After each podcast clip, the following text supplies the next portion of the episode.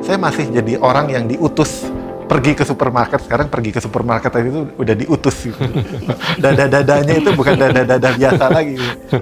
Biasalah kalau kita misalnya lagi duduk ibadah saya ngalamin juga gitu ya. Tiba-tiba di belakang ada yang uh, uh, wah itu kepanikan pasti ada gitu ya. Apakah ibadah itu menjadi prioritas? Itu karena subjektif atau memang pada intinya dia penting gitu ya ada orang yang mengatakan demikian. Kalau kita percaya ada pemeliharaan Tuhan, mengapa kita harus pakai masker? Saya bersyukur melihat jemaat itu datang. Saya dikuatkan ketika melihat mereka datang. Karena apa? Saya tahu itu bukan hal yang mudah di dalam masa pandemi ini, tetapi Tuhan memberikan kekuatan. Rambut kepalamu pun itu sudah dihitung oleh Bapamu di surga. Kita mengetahui hal ini, kita mengetahui bagaimana Tuhan memelihara hidup kita. Saya mari kita menghidupinya.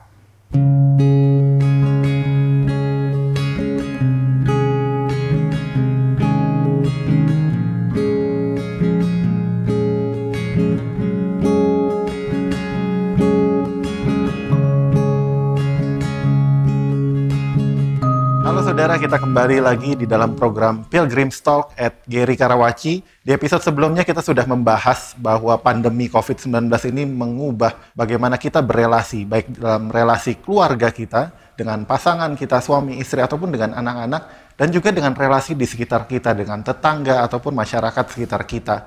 Dan hari ini kita akan kembali berdiskusi COVID merubah kita, bukan hanya relasi, tapi juga spiritualitas. Dan saya nggak akan sendirian, seperti biasa, saya ditemani oleh dua orang pendeta, yaitu pertama pendeta David Tong, yang adalah Gembala Sidang Geri Karawaci, dan juga pendeta Budi Sutrisno, yaitu asisten Gembala Sidang Geri Karawaci. Dan dua orang lagi yang menemani saya adalah Pak Yandi dan juga Ibu Lili. Ini dua orang yang juga melayani di dalam Geri Karawaci. Saudara-saudara di rumah PSBB PPKM, lockdown ini adalah huruf-huruf ataupun kata-kata yang menjadi momok dalam kehidupan kita di masa pandemi ini. Ketika pembatasan diberlakukan, maka merubah kehidupan bergereja, kehidupan bermasyarakat, kita mau belanja jadi beda caranya, kita mau melakukan apa pun berbeda, bahkan kehidupan beribadah kita pun berbeda. Sejumlah gereja sampai saat ini masih menutup tempat ibadahnya, masih melakukan ibadah secara online 100%, dan aturan-aturan pemerintah yang berubah-ubah pun juga membuat reaksi jemaat orang-orang Kristen itu um, bimbang. Saya mau pilih online ataupun fisik. Bagaimana kita sebagai pilgrim, pengembara harus meresponi hal ini dalam kehidupan bergereja kita. Saya akan memulai dengan mensajikan sebuah data kembali data yang sama yang saya dapatkan dari episode sebelumnya. Pertanyaan dari skala 1 sampai 10, seberapa khawatir Anda terkena virus COVID-19? Angka 1 itu sangat tidak khawatir dan angka 10 sangat khawatir. Dan dari sini menunjukkan sebagian besar itu range 6, 7, 8, 9 dan secara rata-rata itu sekitar 6,1 sampai 6,2. Lalu pertanyaan berikutnya adalah apakah Anda sudah melakukan ibadah secara fisik. 60% dari responden itu sudah melakukan ibadah secara fisik. Dan kemudian pertanyaan berikutnya, apakah keluarga Anda yang serumah dengan Anda sudah beribadah secara fisik? Di sini yang sudah secara fisik lebih kecil 36,3 persen, yang masih online itu 33,6 persen, dan 30 persen adalah kombinasinya. Ya jujur sih ketika masa pandemik baru pertama kita tidak berani untuk ibadah fisik dan memang pilih online. Namun setelah kita menjalankan waktu ya dan juga e, seiring dengan gereja ya yang sudah mulai membuka kembali ibadah secara fisik de, dengan sesuai dengan ketentuan 50% yang hadir di dalam ibadah, maka saya dengan berusaha memperjuangkan supaya kita bisa ibadah di dalam fisik ini gitu. Dan Ya tentu dengan prokes yang ada di dalam satu gereja, gereja kita ini cukup baik dan menurut saya tidak ada salahnya kalau sekarang Tuhan masih memberikan kita kesempatan untuk boleh ibadah secara fisik. Ya, menurut saya jangan sampai kesempatan yang sudah ada ini tidak kita gunakan dan kita akan menyesal ya karena anugerah Tuhan sudah diberikan kepada kita semua. Nah, mengenai tadi pertanyaan Sam, mengenai online ya. E, mungkin yang dikhawatirkan dari saya tuh yang sudah saya alami gitu ya. Kita kalau sudah terbiasa dalam ibadah online, kita tuh serasa rasa nyaman gitu ya. Tidak perlu lagi harus persiapan ya, bangun pagi-pagi masih ada online yang siang gitu ya. Dan lama kelamaan ini membuat kita jadi malas dan tidak mau berniat eh, ibadah secara fisik. Memang uh, kita sadari bahwa pandemi ini banyak menimbulkan hal-hal yang buruk mungkin ya dalam kehidupan kita. Tetapi ada satu hal yang saya syukuri secara pribadi adalah bahwa pandemi ini akhirnya membuat saya menjadi berpikir apa itu arti ibadah gitu ya. Sebelum pandemi ini mungkin kita nggak pernah pikir gitu ya. Kenapa kita waktu ibadah tuh masih ke gereja? Karena itu kita jalani sejak kita lahir, kita ya hari Minggu tuh ke gereja gitu ya, tanpa pernah berpikir gitu. Kenapa harus ke gereja? Kenapa nggak di rumah saja? Kita tidak pernah punya waktu untuk memikirkannya. Lalu datanglah pandemi ini. Nah, di dalam pandemi inilah uh, benar seperti yang tadi Pak Sam tanyakan, orang mulai bertanya gitu, kenapa harus ke gereja gitu ya? Kenapa tidak online? Kesempatan itu ada kok gitu ya. Nah, waktu kemudian saya uh, bergumul dan kemudian saya membaca Alkitab, saya menemukan bahwa ibadah itu inisiatif itu dari Tuhan, bukan inisiatif dari manusia ibadah itu ditetapkan oleh Allah dan kemudian saya mencari tahu apa yang Tuhan sebenarnya inginkan dalam ibadah. Sejak awal dia memanggil Israel, Allah itu meminta umatnya itu membuat kemah untuk tempat Tuhan bertemu dengan mereka begitu ya. Dan itu terus berjalan sampai pada perjanjian baru dan sampai hari ini Tuhan pelihara banyak gereja terus ada.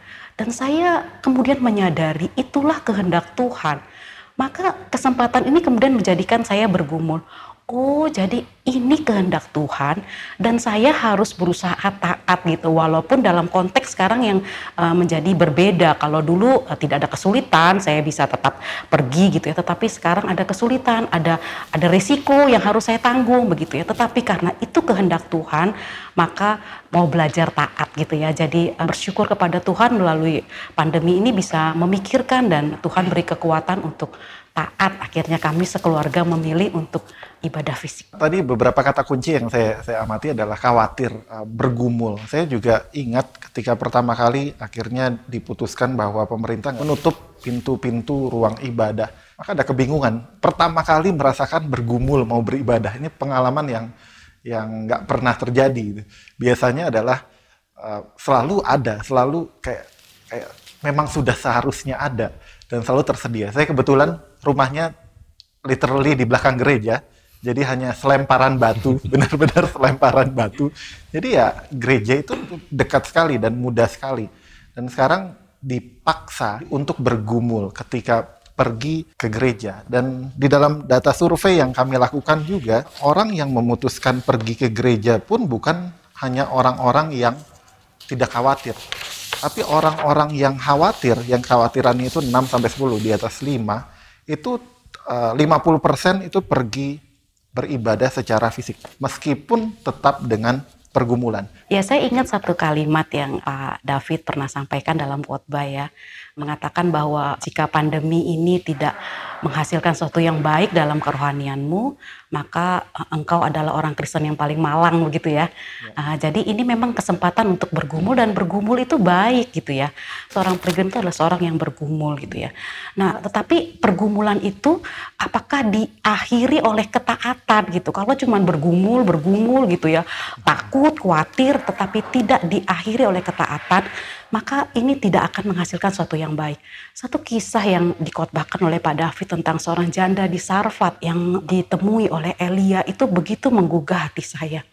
Janda Sarfat itu bukan punya chance 50% hidup 50% mati ya. Dia hanya punya sedikit tepung dan sedikit minyak dan setelah makan itu dia pasti mati dia 99 persen, 9 dia akan mati gitu ya. Tetapi kemudian ketika Elia itu datang dan kemudian Elia meminta dibuatkan seketul roti gitu ya, maka janda ini pasti bergumul. Tetapi dia tidak berhenti di pergumulan, dia mengakhiri pergumulan itu dengan ketaatan. Maka kemudian dia mengalami pemeliharaan Tuhan sepanjang masa kelaparan itu gitu ya. Jadi saya merasa bahwa pergumulan walaupun kita penuh dengan kekhawatiran gitu ya datang ke gereja, setiap datang ke gereja apakah pulang kita akan bawa virus atau enggak gitu ya. Penuh ketakutan itu wajar itu dan sampai itu diakhiri dengan ketaatan dan dan kita akan alami gitu ya satu pertumbuhan kerohanian mengalami Tuhan yang memelihara kita gitu ya.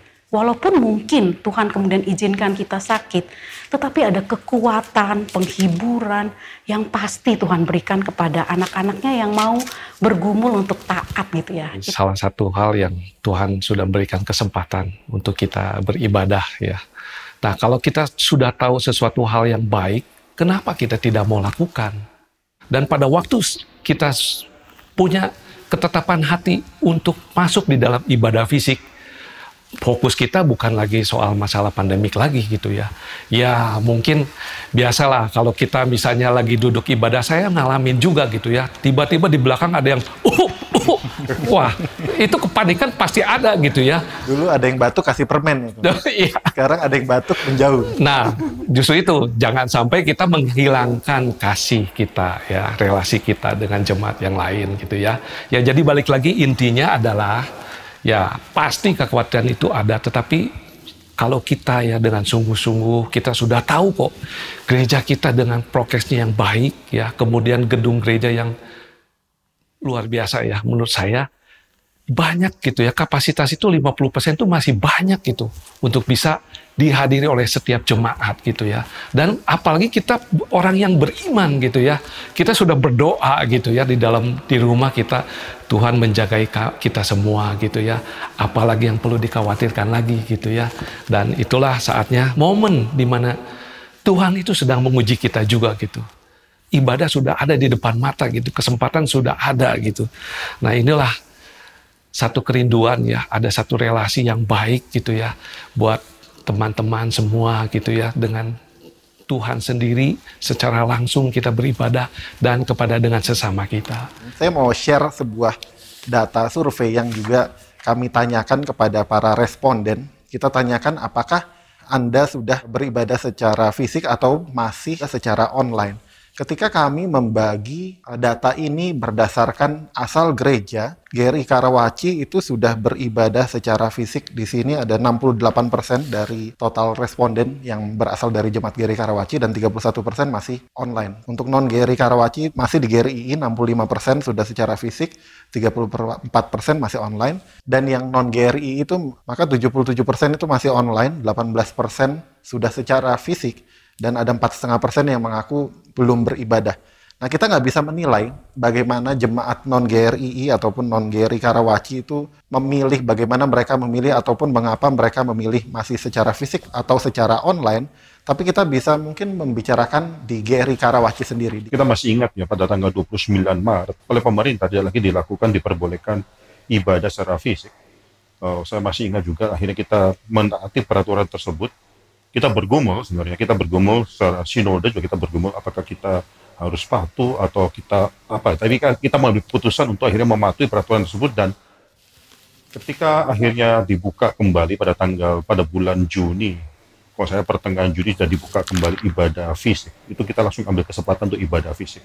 Di Karawaci yang setiap minggunya tadinya dihadiri sekitar 900 seribu orang dewasa yang hadir beribadah itu minggu pertama hanya tinggal 150 ya bulan Juni. Saya mengatakan berkali-kali bahwa kita akan mengembalakan. Kekhawatiran itu pasti ada, tapi kita masih ingat bahwa kita adalah seorang pilgrim, seorang musafir yang memang tugas kita sebagai seorang musafir bukan pasti tahu jawaban itu apa dalam hidup ini, tapi paling tidak bergumul lah. Saya mengajak jemaat bergumul, mari datang, encourage. Hal berapa hal yang kita usahakan untuk membawa jemaat kembali ke dalam gereja itu bukan hanya penekanan firman Tuhan itu pasti harus diperlukan, tapi penekanan suatu komunitas itu perlu ditekankan. Bahwa ini satu komunitas di mana kita akan bersama-sama bergumul melalui pandemi COVID ini. Penting bagi jemaat untuk mengerti bahwa mereka bukan bergumul sendirian di rumah masing-masing, bahwa mereka bergumul bersama sebagai satu anggota komunitas gereja.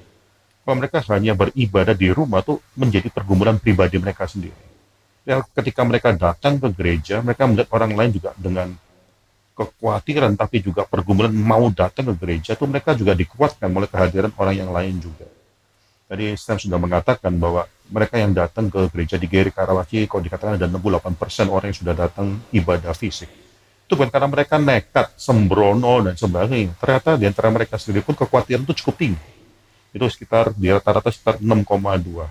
Jadi jemaat banyak yang khawatir, tapi paling tidak mereka belajar bergumul, mengatasi atau mengalahkan kekhawatiran mereka. Nah, salah satu yang saya usahakan sendiri adalah ketika saya datang ke gereja, saya datang dengan keluarga saya datang dengan anak-anak saya sendiri, bahkan yang paling kecil sekalipun. Bukankah khawatir ya kalau anak-anak tertular? Pasti ada kekhawatiran tersebut. Tapi saya percaya orang lain juga ada kekhawatiran tersebut, keluarga ada kekhawatiran tersebut. Sebagai seorang gembala sidang, sebagai seorang hamba Tuhan, saya harus menunjukkan bahwa keluarga kami pun bergumul dalam hal ini dan kami mau membawa keluarga semua datang untuk beribadah karena ibadah keluarga adalah suatu hal yang indah yang bisa kita lihat dalam gereja. Saya bersyukur juga Pendeta Budi Sutrisno juga punya anak-anak yang masih kecil dan dia juga bawa semua keluarga datang ke gereja untuk beribadah bersama. Dan bukan hanya ibadah saja, persekutuan doa pagi hari Sabtu pun kami bawa keluarga untuk bisa berdoa bersama dengan keluarga yang lain. Jadi saya bersyukur, saya melihat juga ketika mereka datang ke gereja, bukan bukan hanya datang sendiri, mereka datang dengan keluarga. Mereka datang dengan keluarga dan mereka bawa anak-anak mereka. Itu suatu pergumulan yang indah menurut saya. Ya ini beberapa hal yang kami lakukan. Kami di Kiri Karawaci juga tentunya kami melakukan protokol kesehatan yang sangat ketat sekali. Tadi kalau Pak Yandi katakan pemerintah memperbolehkan 50%, sebenarnya di Kiri Karawaci itu jauh lebih rendah daripada 50%. Kita memperketat tempat duduk kita sehingga yang bisa hadir dalam satu kebaktian itu sekitar cuma 30% maksimum, 30% saja yang bisa hadir. Kita bersyukur dalam dua kebaktian umum kita, kita sekarang sudah kehadiran jemaat sudah mencapai 40-50% bahkan pernah lebih daripada 55 persen. Kita bersyukur untuk hal tersebut. Masih banyak perjuangan yang harus kita lakukan. Khususnya nanti ketika nanti jemaat sudah semakin lama semakin terbiasa untuk ibadah online. Yaitu kita harus tetap mengembalakan mereka satu persatu untuk mari kembali datang ke gereja. Ibadah hari Minggu itu bukan hanya soal saya beribadah dalam Tuhan, bukan. Ibadah hari Minggu adalah suatu corporate worship di mana kita harus mengusahakan supaya kita bersama-sama datang ke hadapan Tuhan dan beribadah. Tuhan bertemu dengan satu congregation, dengan satu umat Israel. Tuhan bertemu dengan umatnya dalam suatu ibadah hari Minggu. Itulah yang kita mau nikmati di dalam perjuangan kita menikmati ibadah kembali.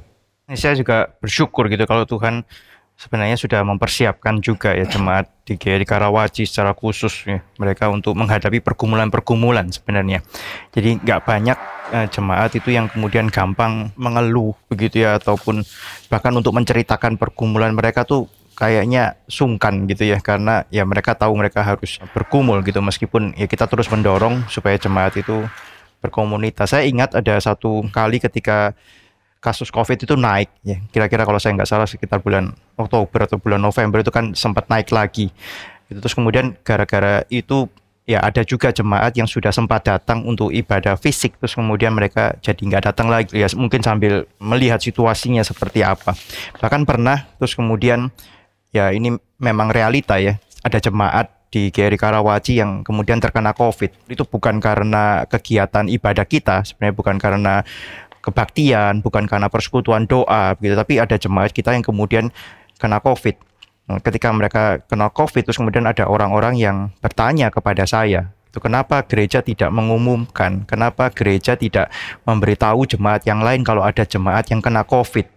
Gitu. Terus kemudian saya menjelaskan kepada mereka itu ini bukan gereja menutupi supaya orang nggak takut orang tetap datang ke gereja. Bukan itu tujuannya tetapi ya kita melakukan semua yang perlu. Ya sebatas yang perlu. Kita melakukan tracing ya jemaat yang dengan sukarela sebenarnya. Mereka kena covid dan kemudian mereka secara sukarela memberitahu kepada gereja itu karena mereka concern mereka punya kepedulian terhadap jemaat yang lain. Kita bersyukur kepada Tuhan. Tuhan memelihara kita ya dari pertengahan Juni tahun lalu sampai sekarang.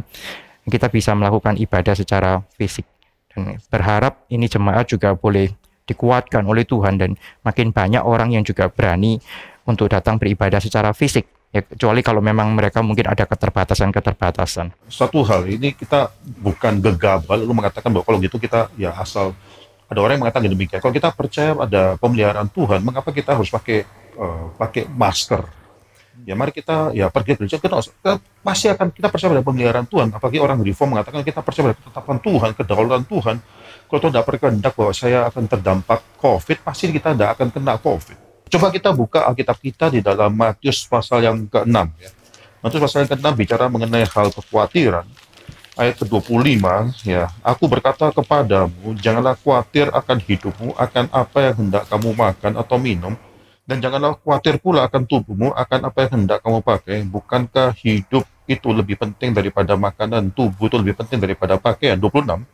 Pandanglah burung-burung di langit yang tidak menabur dan tidak menuai dan tidak mengumpulkan bekal dalam lumbung, namun diberi makan oleh Bapamu yang di surga. Bukankah kamu jauh lebih melebihi burung-burung itu? Nah, poin daripada Yesus ketika mengatakan kalimat ini, ya kita tidak perlu khawatir dalam hidup kita, karena Bapak di surga memelihara kita. Lalu dia mengilustrasikan dengan burung. Pandanglah burung yang ada di langit yang tidak menabur atau tidak menuai, tidak mengumpulkan bekal dalam lumbung, namun diberi makan oleh Bapamu yang di surga. Tapi perhatikan satu hal, burung memang diberi makan oleh Bapa di surga, tapi berarti berarti Anda harus mengusahakannya.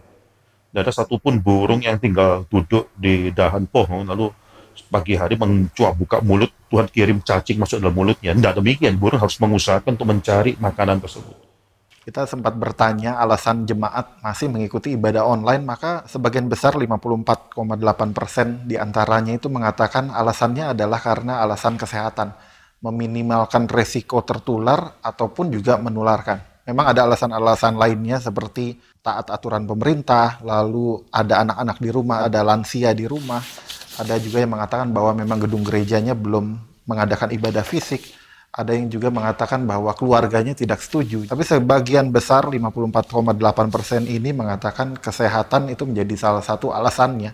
Ya kita seharusnya sadar bahwa ibadah itu penting, tapi sepertinya antara ibadah dan kesehatan ini seperti dibentrokan jadi satu pilihan.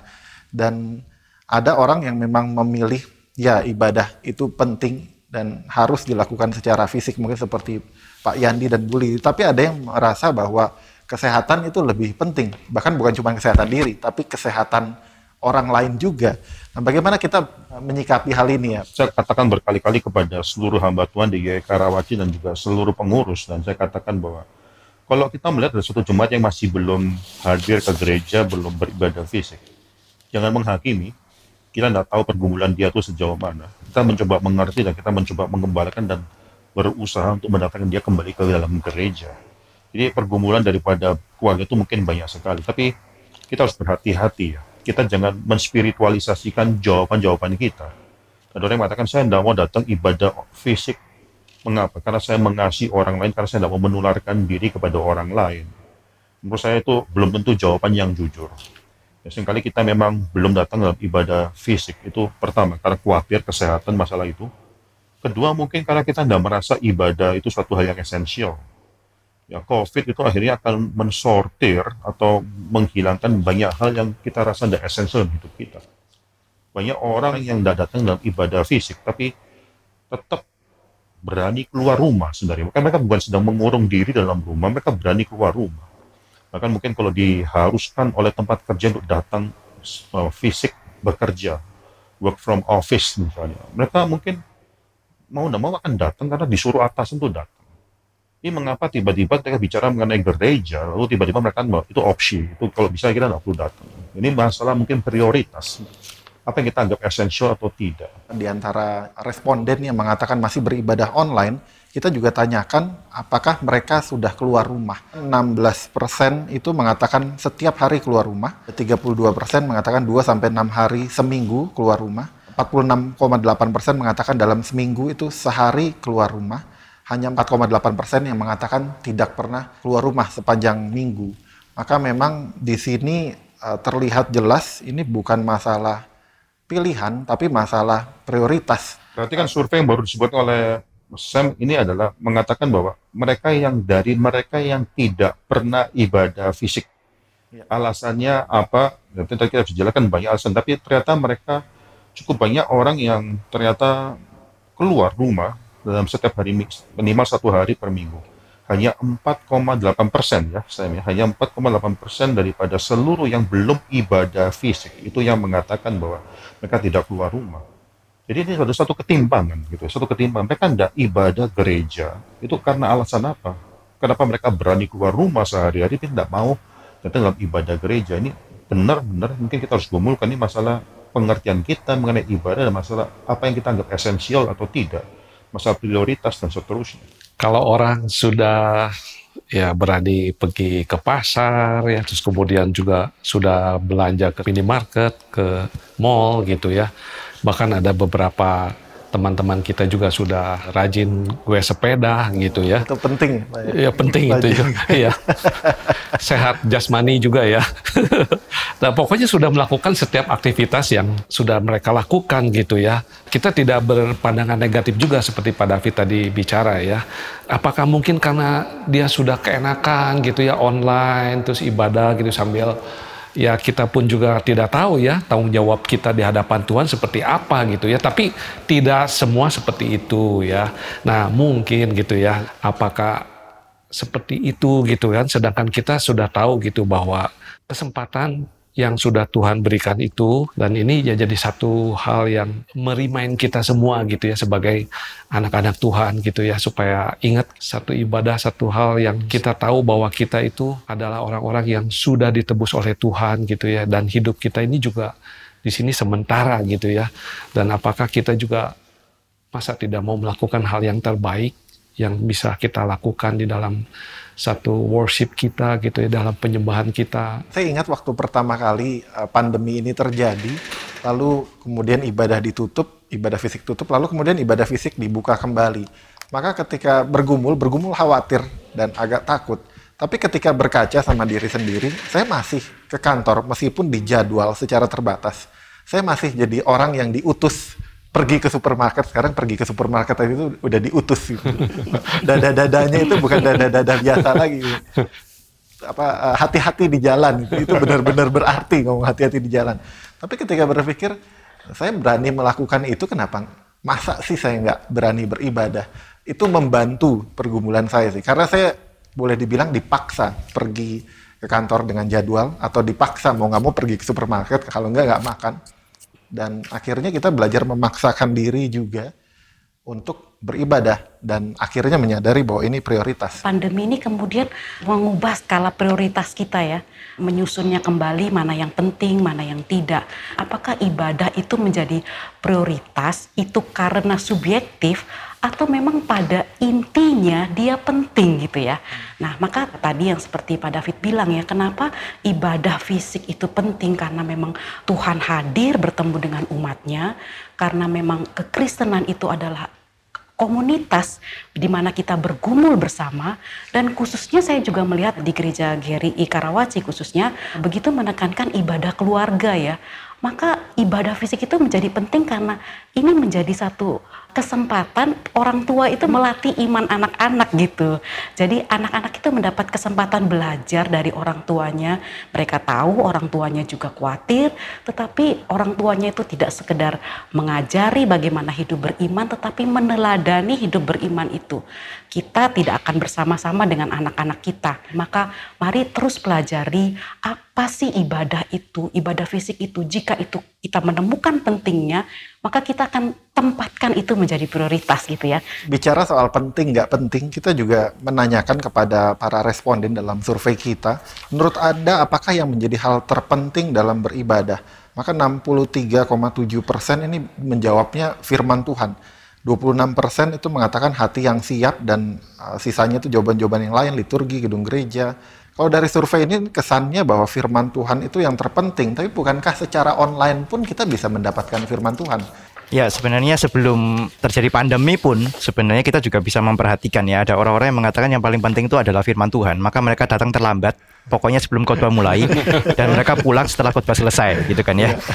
Nah, ketika pandemi ini terjadi, ya mereka kemudian kita tahu ya di GRI justru ketika pandemi terjadi banyak cabang yang tadinya tidak menyiarkan kebaktiannya atau tidak ada PA online dan seterusnya terus kemudian banyak sekali menjadi banyak sekali gitu bahkan bukan cuma weekend bukan cuma Sabtu Minggu tapi bahkan setiap hari pun ada. Nah maka nggak heran gitu terus kemudian kalau orang-orang yang memikirkan ya cuma firman Tuhan saja yang penting. Pokoknya mereka bisa mendapatkan porsi firman Tuhan eh, nggak perlu hadir fisik dan yang lain-lain sebagainya. Yang lain itu cuma tambahan yang mereka bisa skip kira-kira seperti itu ya. Nah, saya khawatirnya ketika mereka melakukan hal ini jangan-jangan ibadah di rumahnya juga cuma firman Tuhannya aja yang mereka perhatikan gitu ya. Selesai itu ya pokoknya sudah transfer uang persembahan, ya sudah selesai, ibadahnya selesai bagi mereka mungkin.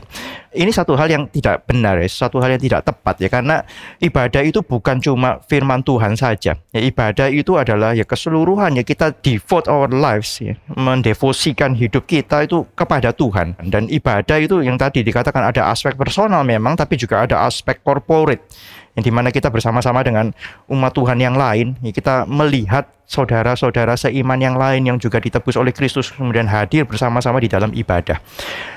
Kalau saya nggak salah ya saya menanyakan ini di awal ketika kita mulai bisa melakukan ibadah fisik. Saya menanyakan kepada jemaat, coba pikir orang-orang yang ada di tempat-tempat di mana kekristenan itu dianiaya. Mereka diancam, mereka kalau ketahuan beribadah secara Kristen itu mereka mungkin dibunuh. Mereka pilih tetap beribadah atau mereka pilih ya udah nggak usah beribadah. Kalau pilihannya adalah ibadah atau nyawa saya, saya akan pilih nyawa saya. Kita mungkin nggak lihat itu ya. Banyak kesaksian yang justru menyatakan bahwa orang-orang yang mengalami penganiayaan, mendapatkan ancaman atas hidup mereka, mereka sebisa mungkin tetap beribadah. Bagi mereka ibadah itu demikian penting. Bahkan kalau nyawa mereka itu menjadi ya mereka harus resikokan untuk itu. Itu tetapi kita yang mungkin selama ini nggak pernah ada di dalam situasi seperti itu sekarang ya diuji dan kita harus benar-benar menilai diri kita dengan jujur. Ya saya tidak mau menghakimi juga, tapi saya mau mengajak kita jujur. Ketika kita memberikan alasan untuk kita tidak hadir secara fisik, padahal kita masih bisa pergi ke tempat-tempat yang lain.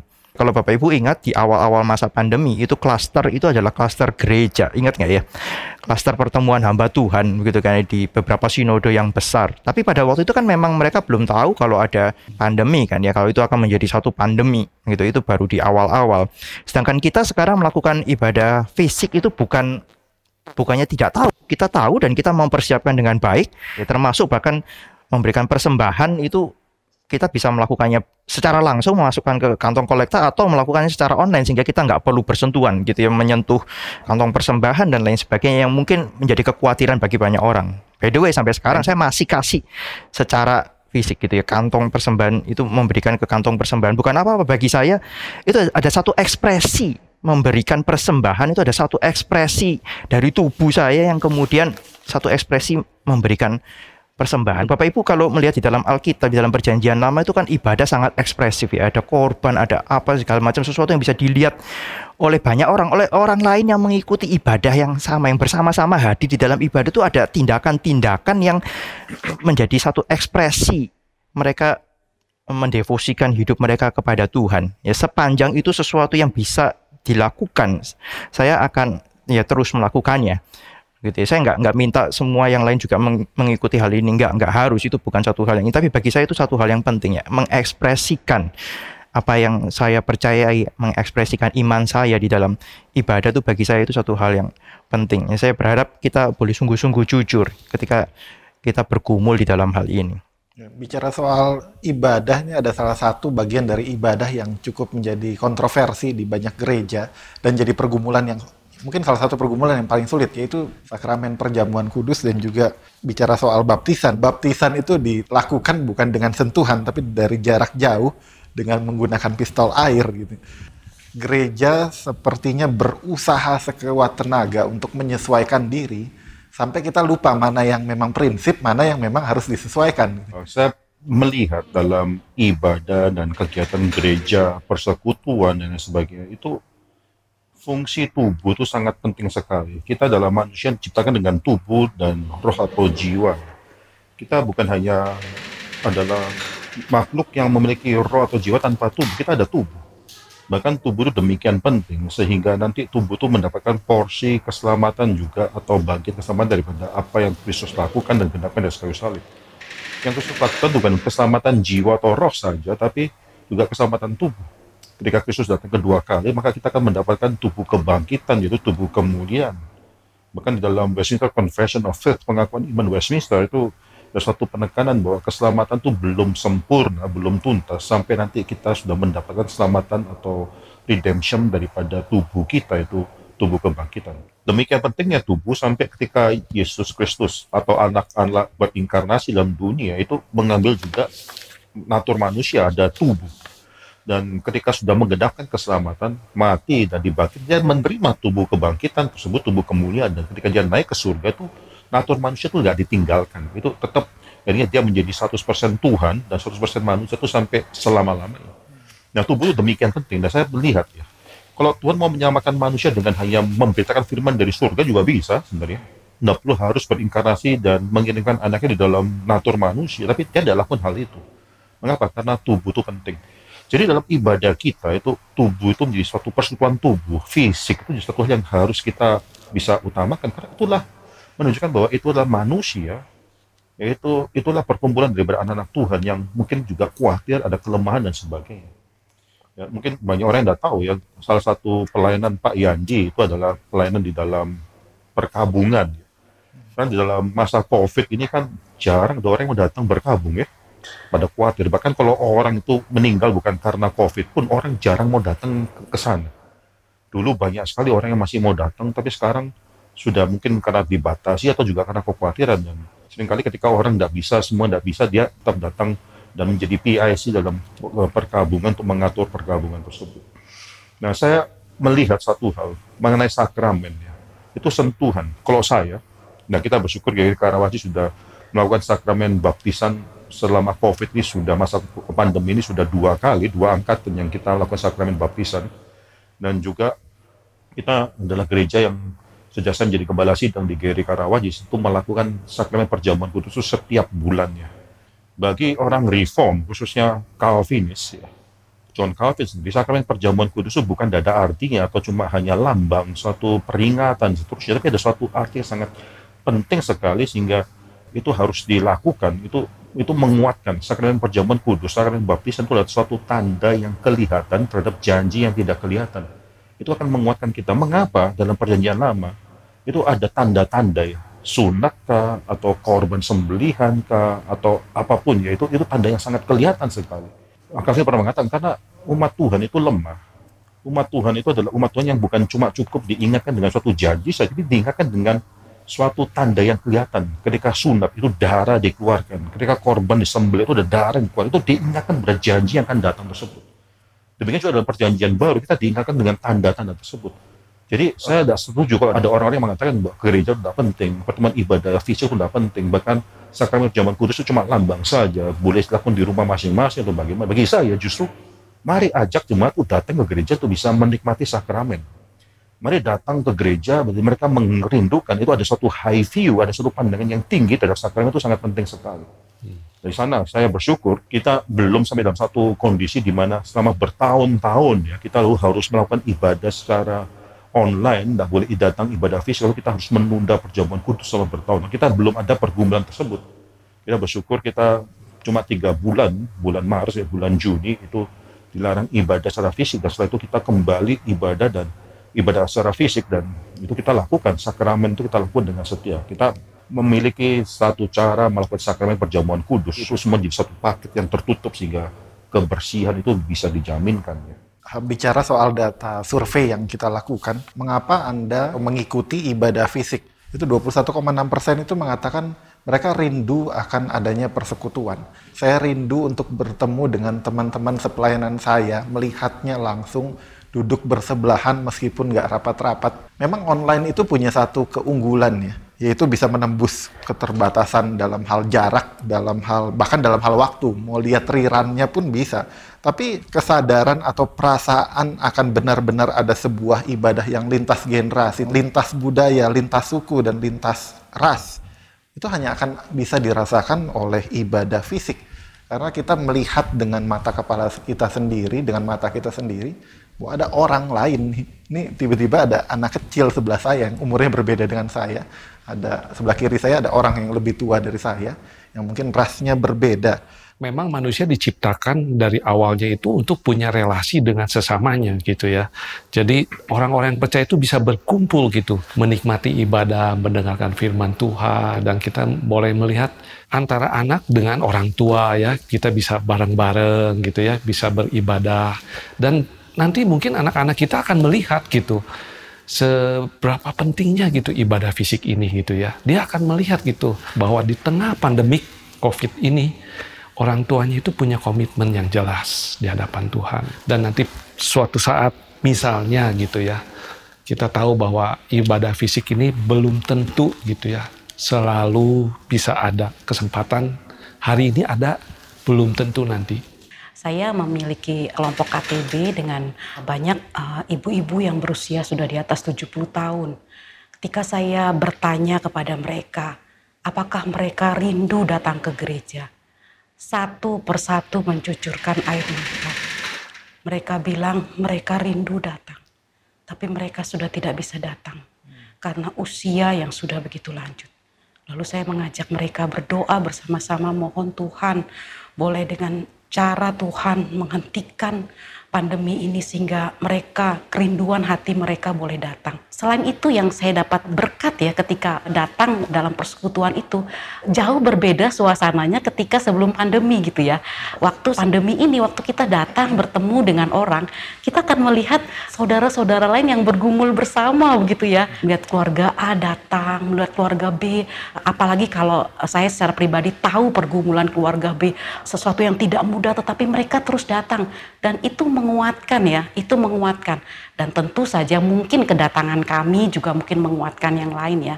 Dan itu sangat bermanfaat gitu ya bagi kerohanian kita. Satu hal lagi dari survei ini ada satu jawaban yang menurut saya menarik juga. Ada 16,5 persen mengatakan sudah terbiasa harus fisik atau terbiasa untuk mengikuti secara fisik. Mungkin bicara soal liturgi, soal cara beribadah mungkin bukan berarti bahwa liturgi itu hanya membicarakan soal kebiasaan dan repetisi belaka, tapi tiap susunan ibadah pasti memiliki makna yang hanya bisa secara maksimal kita mengerti, kita hayati kalau kita menjalaninya secara fisik liturgi itu pasti penting gitu ya. Kalau tidak maka kita nggak akan lakukan gitu yang apa perlunya kita menyusun satu liturgi ibadah ya. Sayangnya banyak gereja-gereja yang tidak menganggap liturgi itu penting. Ya sehingga kemudian ya susunan ibadah mereka ya lebih bebas begitu ya. Lebih manusia mengekspresikan uh, isi hatinya begitu daripada bagaimana kita mendevosikan hidup kita di hadapan Tuhan. Bapak Ibu, hal yang mungkin kita nggak bisa dapatkan nih ketika kita ibadah secara online di rumah. Ini saya nggak katakan ini mutlak, begitu ya. Mungkin kalau kita bisa mengerti dengan sungguh-sungguh, kita juga bisa mendapatkan. Tapi pasti di dalam takaran yang sangat berbeda. Misalnya, ketika fotum itu undangan beribadah, itu juga bukan cuma sekedar satu ayat yang dibacakan saja untuk memulai satu ibadah, tapi ada satu pengertian bahwa Tuhan itu hadir di dalam ruang ibadah Tuhan sebagai raja kita sebagai tuan kita Tuhan kita itu hadir di dalam ibadah dan kita berdiri bersama-sama dan kemudian menantikan Tuhan hadir menyambut Tuhan hadir. Itu kalau kita lakukan sendiri di rumah bisa bisa. Hadirat Tuhan juga bisa hadir di dalam rumah kita di dalam kamar kita tapi itu akan berbeda sekali ketika kita menyadari ya ada umat Tuhan yang sedang ada di kiri kanan kita, depan belakang kita, itu bersama-sama. Terus kemudian misalnya ketika kita mengucapkan pengakuan iman, perhatikan itu bukan pengakuan iman personal saja, tetapi kita mengucapkannya dari hati kita dan kita juga mendengar suara orang lain mengucapkannya bersama-sama gitu menjadi satu pengakuan iman bersama juga. Gitu ya. Saya pernah mengatakan juga, saya bersyukur melihat jemaat itu datang. Saya dikuatkan ketika melihat mereka datang begitu ya. Karena apa? Saya tahu itu bukan hal yang mudah di dalam masa pandemi ini tetapi Tuhan memberikan kekuatan. Ketika datang kita berani datang itu bukan karena saya orang pemberani bukan. Tetapi karena Tuhan itu memberikan kekuatan kepada kita Tuhan bekerja sedemikian rupa di dalam hidup kita dan memberikan kekuatan kepada kita memanggil kita untuk kita datang beribadah bersama-sama. Melanjutkan daripada topik mengenai liturgi ya, kita melihat bahwa ada satu bagian liturgi dalam suatu ibadah yang sangat penting sekali yaitu mengenai doa pengakuan dosa ya. Doa pengakuan dosa itu bagi saya satu hal yang penting karena itu titik yang paling rendah dalam suatu ibadah. Kita mengaku dosa di hadapan Tuhan. Pengakuan dosa ini satu corporate worship. Jadi kita mengaku dosa sebagai bukan cuma pribadi mengaku dosa, tapi mengaku dosa sebagai suatu jemaat mengaku dosa di hadapan Tuhan yang memang kalau kita sedang beribadah secara online itu memang bisa saja liturgis yang di mimbar yang kita lihat tersebut lalu membuat kita mengaku dosa. Cuma mungkin konteksnya lebih kelihatan seperti dia dan keluarga kita yang hadir pada saat itu di ruang atau di ruang tamu dan seterusnya. Tapi ketika kita hadir dalam satu gereja dan kita bahwa kita sedang mengaku dosa sebagai satu jemaat, itu itu itu powerful sekali. Titik terendah yang sangat mengingatkan sekali bahwa dosa jemaat itu adalah satu dosa juga di hadapan Tuhan dan pengampunan itu juga bukan berikan hanya personal pada kita tapi juga pada suatu pengampunan pada suatu komunitas. Saya suka dengan apa yang dikatakan oleh Ibu Lili ya mengenai bahwa ketika kita datang, kita menguatkan orang lain dan kita dikuatkan oleh orang lain juga sama-sama bergumul bersama datang dalam gereja pada saat-saat pandemi ini. Jadi Pak ini sudah mengingatkan kita mengenai hal ini. Saya teringat juga dengan Calvin ketika dia memberikan eksposisi terhadap kejadian pasal 14 itu dia menceritakan bagaimana Abraham bertemu dengan Melkisedek. Melkisedek adalah orang yang juga percaya kepada Allah yang sama seperti Abraham percaya kepada Allah yang sama, tapi mereka tidak pernah bertemu dan ketika Tuhan memanggil Abraham pergi ke dalam tanah Kanaan itu tidak pernah dikatakan kau akan bertemu dengan orang percaya lainnya, tidak pernah dikatakan demikian. Ya, akhirnya mereka dipertemukan. Nah, di sana Calvin mengatakan bahwa pertemuan umat percaya, persekutuan percaya itu saling menguatkan saudara yang lainnya karena kita adalah orang yang lemah kita datang ke gereja, lalu kita lihat samping kita, kiri, kanan, depan, belakang, adalah orang-orang percaya lain. Saya percaya itu menguatkan kita. Menguatkan kita mengetahui bahwa di dalam dunia yang sudah semakin lama semakin menjauhi Tuhan, apalagi dalam dunia pandemi pada saat ini, ada orang percaya lain yang masih beribadah, yang masih juga Tuhan topang, bukan cuma saya saja yang menjadi orang sisa percaya, enggak, tapi ada orang lain dan keluarga yang lain. Mungkin saya akan menutup ini dengan mengajak kita membaca satu bagian ayat Alkitab ya dari Matius pasal yang ke-10. Nah ini orang reform tuh banyak kali kita mengaku bahwa kita mungkin doktrin reform percaya bahwa Tuhan tuh memperdaulat seterusnya. Tapi bisa tidak kita menikmati kedaulatan Tuhan?